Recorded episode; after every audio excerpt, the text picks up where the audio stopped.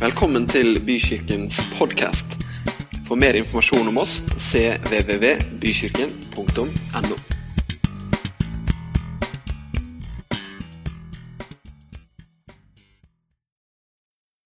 begynne å nevne damer, det er veldig vanskelig, men jeg har nevnt veldig mange av navnene deres gjennom sommeren. Når jeg har bedt for forsamlingen Noen ganger så har ansikter kommet levende fram for meg, andre ganger så har jeg bedt for familier, noen ganger så har jeg bedt for enkeltmennesker.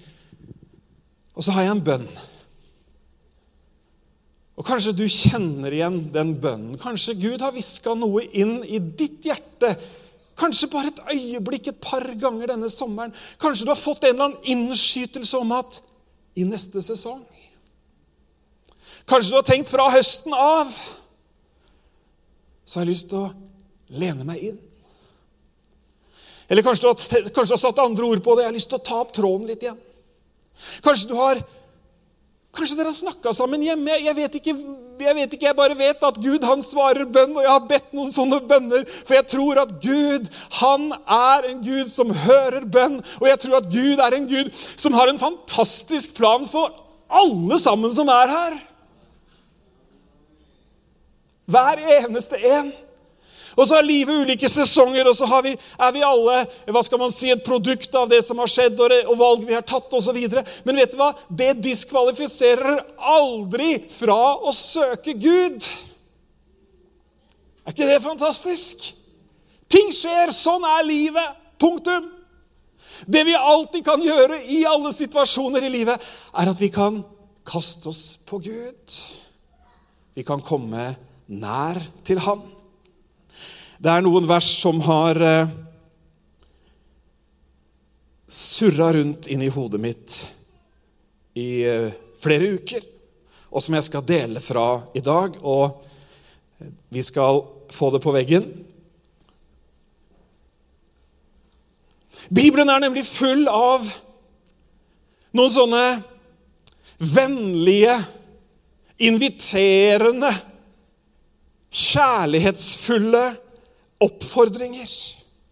Altså Skal vi prøve å si noe om summen av Bibelens budskap Dere kan vente litt med å lese alt, så skal vi lese det sammen etterpå. Så alle kikka plutselig opp. vet du. Herlig å være himmelvendt, altså. Men eh, kan ta bort teksten litt, du, Kristin, for det var vanskelig det her å gjøre to ting på en gang. vet du. Vi er, vi er, vi er utrente gudstjenestefolk akkurat nå.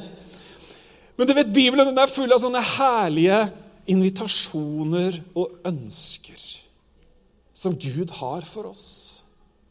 Du vet at Gud han er en god far, og en god far ønsker det beste for barna sine. Stemmer ikke det? Sånn at Bibelen har en rekke budskap. altså På ulike måter så prøver Bibelen gjennom profetene, gjennom salmene, gjennom brevene og evangeliene, så prøver Bibelen på alle mulige måter å bygge opp under følgende, nemlig at Gud er kjærlighet.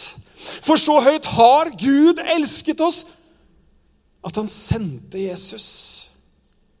Og så vet Bibelen, og når jeg sier Bibelen, så kunne jeg like gjerne sagt Gud, så vet Gud at det å være menneske det medfører en hel rekke ting. Det å være menneske medfører at vi har en kropp.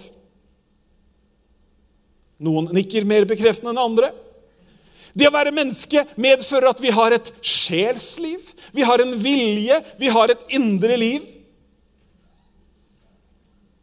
Det å, det å, være menneske medfører at vi også er et åndelig menneske. Bibelen vet alt dette her, og som et resultat av at Gud vet dette så veldig godt, så har Gud gitt oss en oppskrift, han har gitt oss noen invitasjoner, han har gitt oss en hel masse råd og vink, om du vil, for at livet vårt skal bli det som han ønsker at det skal bli.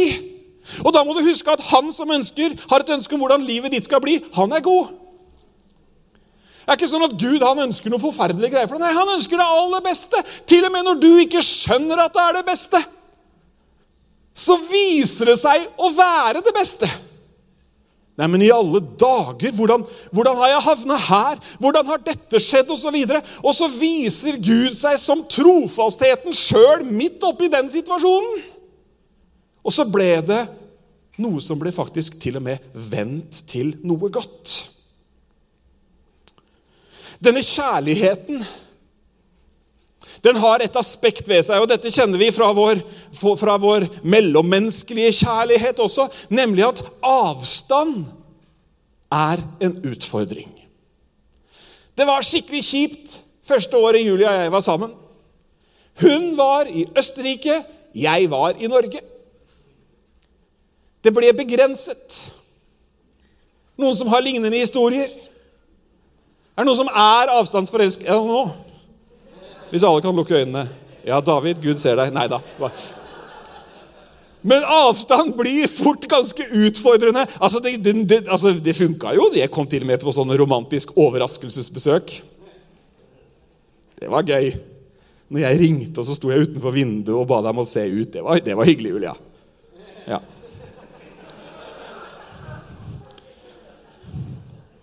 Jeg syns det var kjempehyggelig. Det syns hun også, altså. Bare Åra går så fort ut. og glemt det. Glemt det. Det er fint å være på møte og få bli minna på sånne ting. Men avstand er alltid en utfordring hvis kjærligheten skal utvikle seg. Ikke sant? Og Gud, han vet det også, han! Du verden hva han kan. Han vet til og med det at når, når, når, ting blir på avstand, så blir det litt sånn fjernt. Og Sånn er det jo med vennskap også. ikke sant? Noen her de tenker, de møter en gammel venn, og det er liksom, det er helt sånn sprøtt. Herligheten. liksom, Jeg hadde nesten glemt at du eksisterte, og vi som var så gode venner. Noen som kjenner seg igjen i det? Ja, og vet du hva, Jeg er jo sånn over, jeg er sånn supersosial. Julia sier at jeg vil egentlig ha besøk alle dager i uka. Det stemmer ikke helt, men det er nesten sant. Og jeg har sagt noen ganger jeg hadde sånne doble døgn. Hvorfor det? Jo, for da hadde jeg hatt dobbelt så mye tid til også å treffe noen folk. Så jeg har lagt inn en søknad i det neste livet om 48 timers døgn. Lengre besøk, flere besøk osv. Så, videre. så du tenke deg hvordan korona har vært for meg. Det har vært litt ålreit innimellom, jeg skal innrømme det. Første to dagene var greit. Men dere, tilbake til disse oppfordringene. Og, og Denne søndagen skal dreie seg om noen av disse, og du finner det i Hebrebrevet. Vi, vi skal lese dagens tekst, og du får den på veggen nå. Hebrebrevet kapittel 10. Så har vi da, søsken, frimodighet ved Jesu blod til å gå inn i helligdommen, dit Han har innviet en ny og levende for oss ny og levende vei for oss gjennom forhenget, som er hans kropp. Og siden vi har en så stor, stor prest over Guds hus, så la oss komme fram med oppriktig hjerte og full visshet i troen, med hjertet renset for vond samvittighet og kroppen badet i rent vann. La oss urokkelig holde fast ved bekjennelsen av håpet, for Han som ga løftet, er trofast. La oss ha omtanke for hverandre, så vi oppgløder hverandre til kjærlighet og gode gjerninger. Og la oss ikke holde oss borte når menigheten vår samles, som noen har for vane. La oss heller oppmuntre hverandre, og det så mye mer som dere ser at dagen nærmer seg. La oss komme nær. La oss komme nær, siden vi da har en ypperste prest, siden vi da har Jesus. Og vent litt, jeg skal forklare litt mer. For dette her er skrevet til noen som visste hva en prest var, og som visste hva en ypperste prest hadde som oppgave. Problemet mellom Gud og mennesker heter synd. Fire bokstaver synd.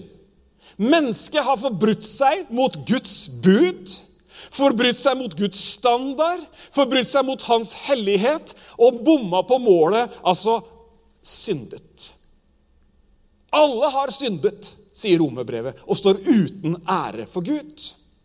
Dette er ikke noe nytestamentlig romersk eller, eller romerteologi. Dette var kjent helt fra begynnelsen av. Fra, fra at menneskeheten fikk Guds bud, så har man forbrutt seg mot det. Helt fra Adam og Eva i Edens hage og så ble det en ordning hvor i Gamle testamentet, og dette kan du lese detaljert om, noen er blitt spesialister i dette, det finnes bøker, så finnes det forordninger som gjør at synden ble tatt bort.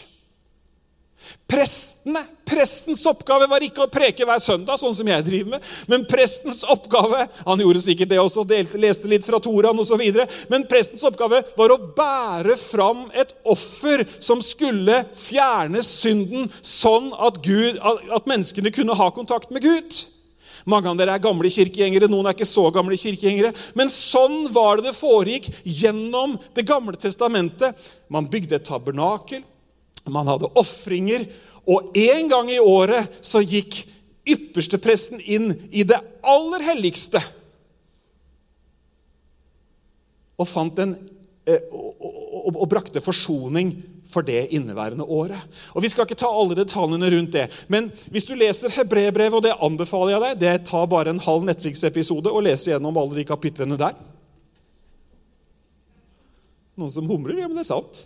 Det er bare, Jeg leste den på iPad her igjen, jeg har den mange ganger, men jeg leste den her igjen, og det er bare liksom det er 13 sider eller 14 sider, eller et eller annet, så har du vært gjennom hele greiene. Og hele hebreerbrevet snakker nemlig om og det er, derfor, det er derfor dette er så viktig for meg, den snakker nemlig om forskjellen mellom det gamle systemet ok, Den gamle ordningen, prest, blod, offer osv. Ypperste prest én gang i året.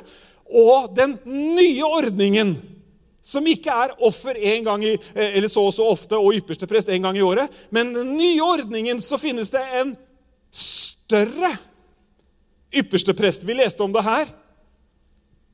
Som en gang for alle Og jeg vil sette strek under det. Som en gang for alle betalte for all synd som er gjort. Det betyr den synden du har gjort, det betyr den synden du holder på med nå, og det betyr den synden du kommer til å gjøre. Amen. Og du skjønner, Folk var vant til at det var et system. altså Det var en sånn bevissthet rundt synd. Ja, for nå har vi syndet igjen. Nå er det ofringer igjen. Og så må ypperstepresten inn. Og så må vi ha nye dyr. Skjønner dere det løpet det var? Den, den, ordningen førte til en bevissthet rundt synd. Det ble en sånn stadig påminner, skriver, Efes, skri, skriver forfatteren av Hebrebrevet. En stadig påminner om synd. Og så forteller han Det står, ikke sant? Før i fordums tid så talte Gud til folket ved profetene. Men nå taler han ved Sønnen. Det betyr at Sønnen, Jesus Kristus, han har et budskap. Jesus Kristus betyr Jesus Kristus. Han kommer med noe inn i ditt og mitt liv som gjør at vi kan komme nær. Han kommer med det budskapet om at all synd er tatt hånd om. Forsoningen har skjedd. Skille, skilleveggen er tatt ned. Murene er borte. Gjerdet er revet. Veggene er slått ut. Det er åpent helt inn. Og det, vet du, det gjør jo at noen norske nordmenn vi blir så glad at vi nikker. Du verden, det var fantastisk.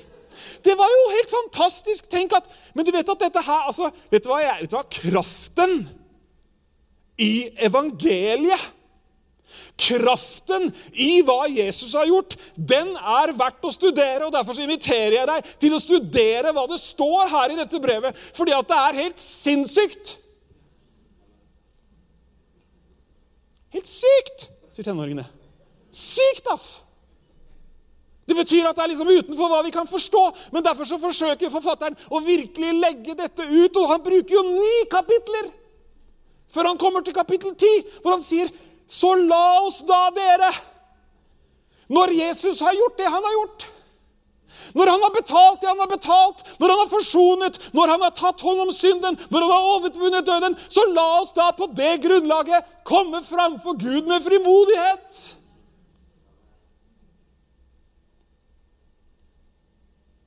Jeg vet ikke hva som holder deg tilbake. Jeg vet ikke hva som får deg til å bytte side på gata. Når du møter noen du ikke liker, eller som får deg til liksom å holde avstand altså Vi har alle ting i livene våre ikke sant, som gjør at vi liksom holder litt avstand noen ganger.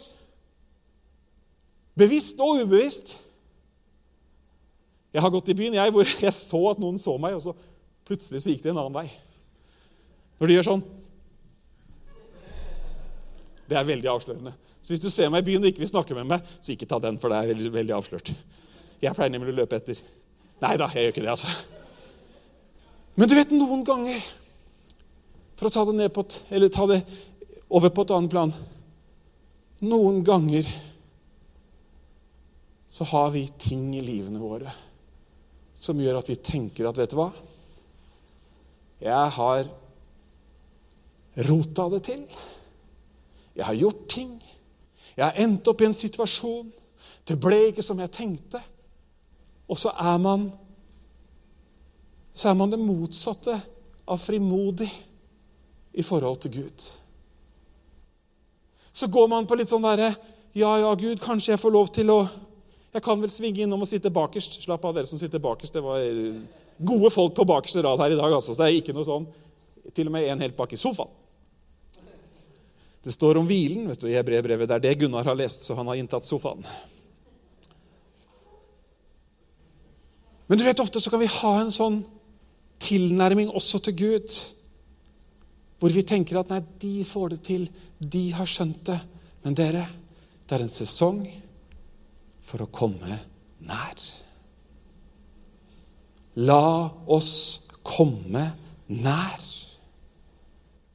La oss komme framfor Gud med et oppriktig hjerte fordi at du har fiksa alt. Nei, fordi at det er en som har fiksa alt for deg. Amen. Ved troen på Jesus.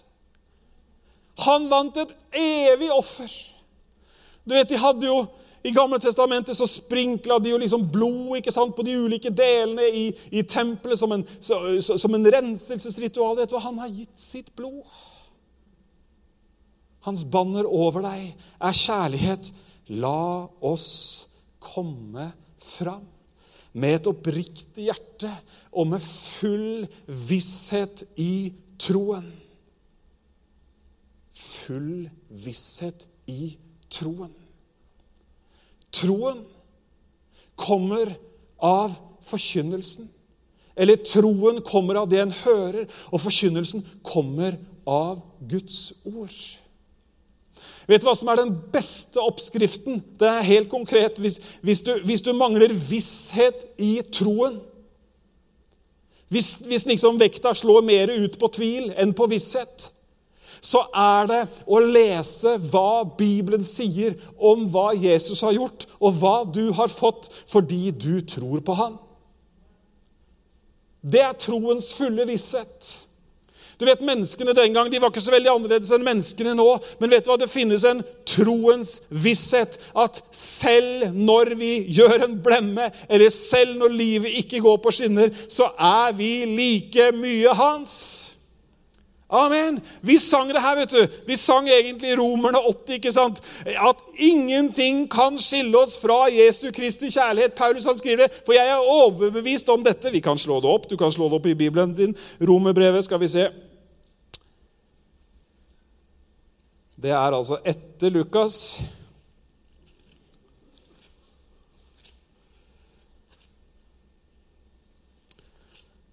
Og så står det i Romene 31 Hva skal vi da si til dette?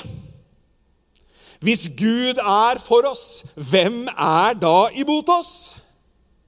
Hvis Gud er for deg, hvem er da imot deg? Og, og, og, og hvilken betydning skulle det ha?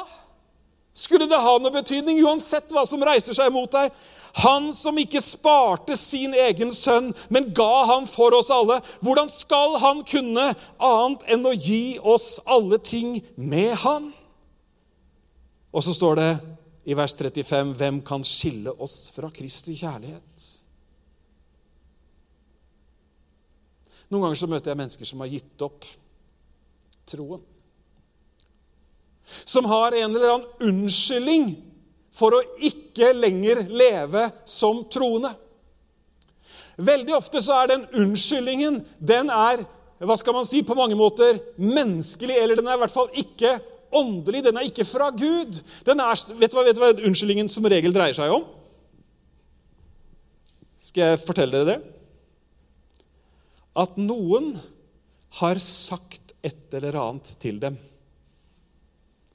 Og så sier jeg da jeg kan ikke tro på Gud. altså. Hvis, hvis han eller hun som sier at de er kristne, eller som går i den menigheten Hvis de kan oppføre seg sånn, nei, vet du hva, da vil ikke jeg ha noe med Gud å gjøre. Det er himla urettferdig overfor Gud. Og det er ganske dumt også, for å være helt ærlig. Ja, det skaper følelser som gjør at vi tenker 'dette vil jeg ikke ha noe med å gjøre'. Ja, det, følelsesregisteret vårt er involvert på en eller annen måte. Men det er jo ikke i stand til å skille deg fra Kristi kjærlighet. Hør på den lista her. da. Han, liksom, han, han legger lista enda høyere. Han sier, 'Hvem kan skille oss fra Kristi kjærlighet?' Trengsel, angst, forfølgelse, hungersnød, nakenhet, fare eller sverd. Men i alt dette skal vi vinne mer enn seier, står det i vers 37, ved Han som elsket oss. La oss komme fram. Kjærlighet krever nærhet. I Jakob 4,7 så står det:" Hold dere nær til Gud, så skal Han holde dere nær til dere. Dere, det er så lett for oss som mennesker at en eller annen ting skaper avstand. Men la høsten 2021 være høsten hvor du kommer fram. Hvor du kommer nær. Hvor du tar utfordringen i ditt eget liv, hvor du grunner på, hvor du leser Skriften, hvor du virkelig tar til deg det jeg har sagt her, og les det videre i Hebrebrevet, les videre i andre steder i Bibelen også. Virkelig mediter på det verket Jesus har gjort, fordi at det, gir deg adgang helt inn til Gud. I det aller helligste.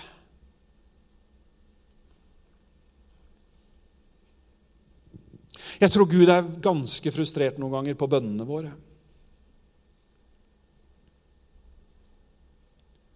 Når 99 av bønnene våre blir unnskyldninger for at ikke vi har tatt oss sammen, eller hvor vi bønnfaller Gud om å være så snill og ta imot oss. Og så har han sendt Jesus, som har åpnet en ny og en levende vei. Det er den nye pakt. Hebrebrevet sier at ja, men hvis det gamle systemet hvis det hadde funka Og du vet, noen praktiserer det gamle systemet fortsatt.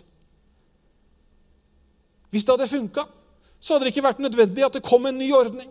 Men det har kommet en ny ordning, og i den nye ordningen så er det ikke en ypperste prest som dør, og som erstattes med en ny en.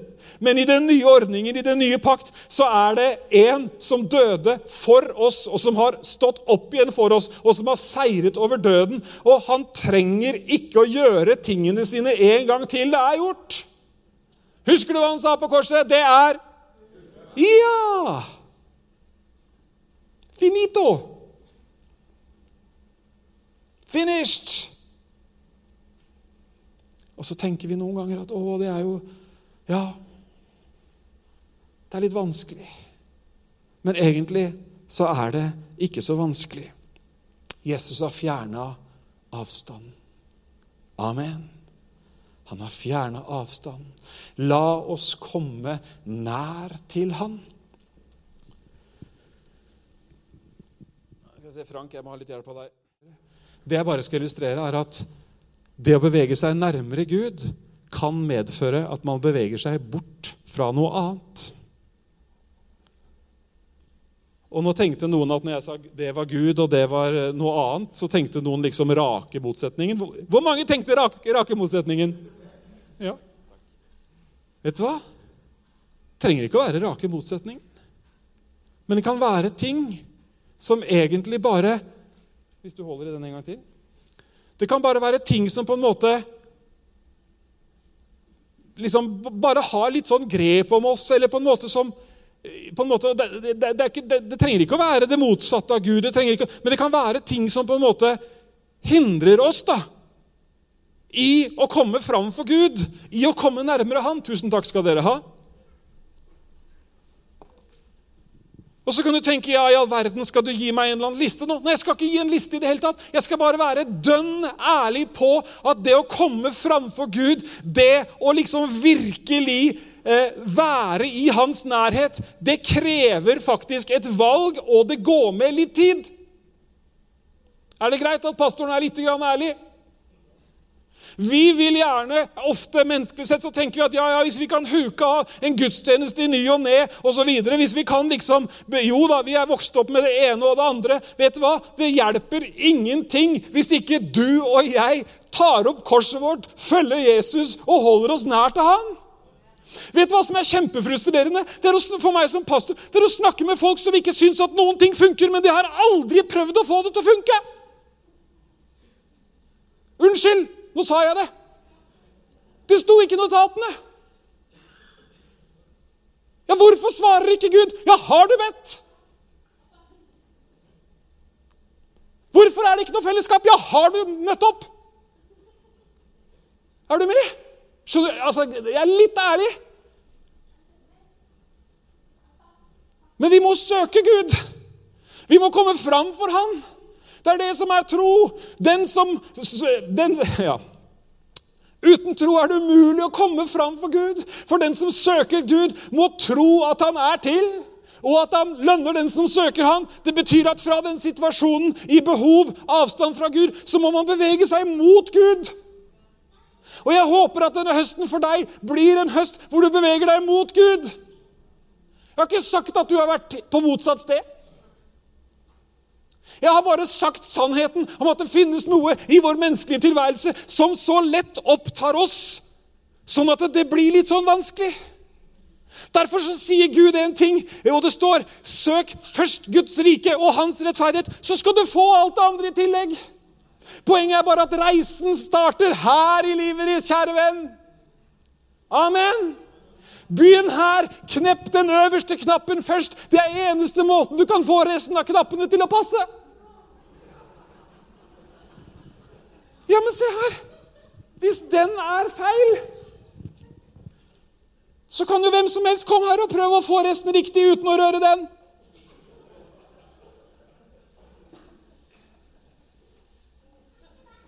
Nå veit jeg egentlig ikke åssen jeg ser ut.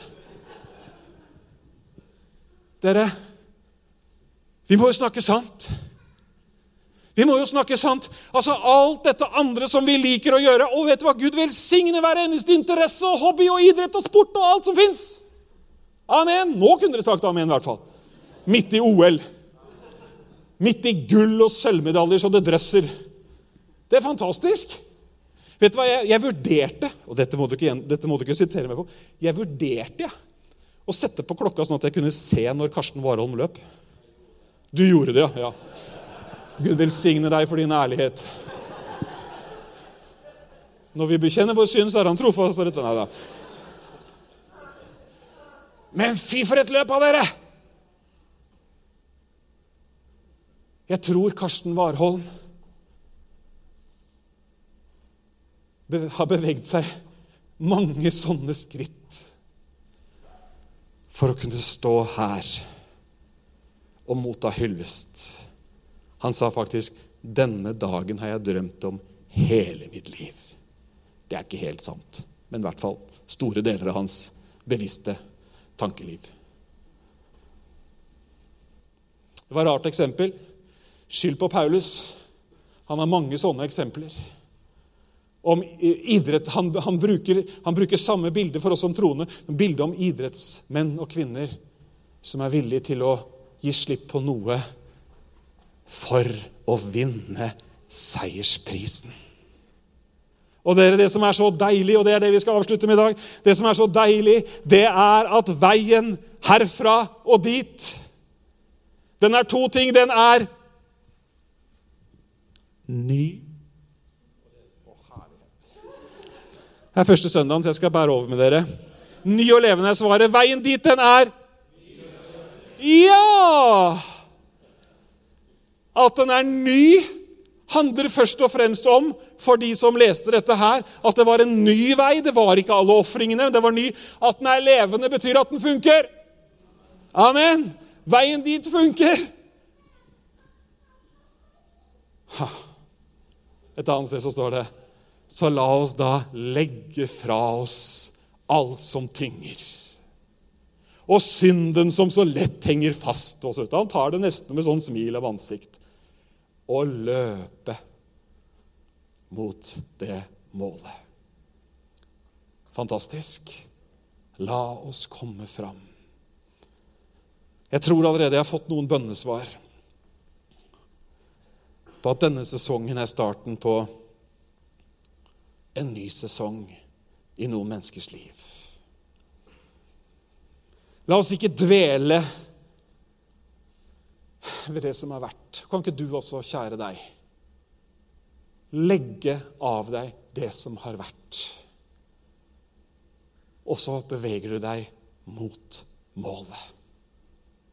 Hvis Paulus med sin fortid Tenk åssen han holdt på. Tenk hvor skivebom han levde livet sitt. Han forfulgte jo den levende Guds menighet. Han gjorde alt det han ikke skulle gjøre. Og han sa, 'Vet du hva, én ting gjør jeg. Jeg glemmer det som er bak.' 'Og så beveger jeg meg framover mot Kristus.' Det kan du gjøre også. Du er invitert. Du er ønsket. Og Vi skal synge en sang nå, eller de skal synge en sang for oss som handler om nettopp det. Bibelen bruker så mange bilder på dette. Den bruker bilder som vi har vært innom fra idrettsbanen, hvor du løper, og hvor du får en krans, og hvor du vinner. Bibelen eh, bruker også et bilde som er veldig kjent i datidens kultur, at fellesskapet nemlig handler om måltid sammen. Jesus sier at han vil komme og holde måltid med oss. Bibelen bruker bildet at vi skal få lov å komme og sitte til bords. Altså, vi reiser oss opp.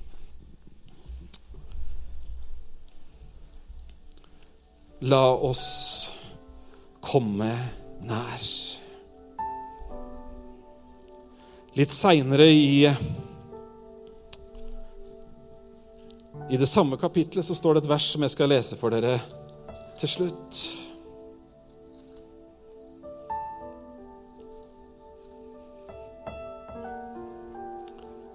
I vers 39 så står det Men vi tilhører ikke dem som drar seg unna til fortapelse, men til dem som tror til sjelens frelse. Jeg har lyst til å proklamere det over ditt liv. At du ikke blir en sånn som trekker deg unna. Å begynne å trekke seg unna er feil retning. Og feil retning kan ende veldig galt. Men etter alle disse oppfordringene, la oss komme fram. La oss bekjenne vårt håp. La oss holde sammen i forsamlingen. La oss oppmuntre hverandre. Så sier han, men vi tilhører ikke dem som trekker oss unna. Jeg ber for mitt eget liv. Gud, jeg vil ikke være blant dem som trekker meg tilbake, som trekker meg unna. Jeg vil ikke sitte på gjerdet og se på det som en gang har vært. Jeg vil ikke feire det som skjedde en eller annen gang i fortiden. Nei, jeg vil komme fram. Skal vi synge en sang som heter 'Du er invitert' så kan du ta imot denne invitasjonen. Jeg tror ikke nødvendigvis at det er noe sånn 180 graders omdreining. Hvis det er det, så ta 180 grader. Men kanskje det er bare noen graders justering av kursen som gjør at du beveger deg fram for Gud. Get life back on track. Rister det av deg. Sier OK, dette har vært. Men i dag så begynner resten av mitt liv. Høres ut som en klisjé, men det er det den gjør. Du vet hva som har vært fram til nå, vet ingenting om hva som kommer. Men det du vet, er at i dag hjelper Herren. I dag er frelsens dag. I dag er nådens tid. I dag er du invitert. I dag kan du ta imot. I dag kan du gjøre det som du vet at du skal gjøre. Som en handling i tro så vet ikke jeg hvor på denne skalaen disse 250 centimeterne du befinner deg. Men jeg vet at retningen er den veien der. Og nå hørtes det ut som det passa veldig fint, det hadde ikke jeg tenkt på, men når vi synger nå, så kommer noen i lederteamet til å være her, og vi kommer til å bare bli her borte. Hvis du ønsker å bli bedt for. Trenger ikke å komme med noe lang avhandling. Hvis du vil, så kan du. Du trenger ikke, du kan bare komme, og så kan du få lagt hendene på deg, og så kan du motta forbønn, og så skal vi være i denne atmosfæren litt til. Vi synger denne sangen nå. Vi bevarer roen, og så er du invitert til å komme bort her. Gud velsigne deg.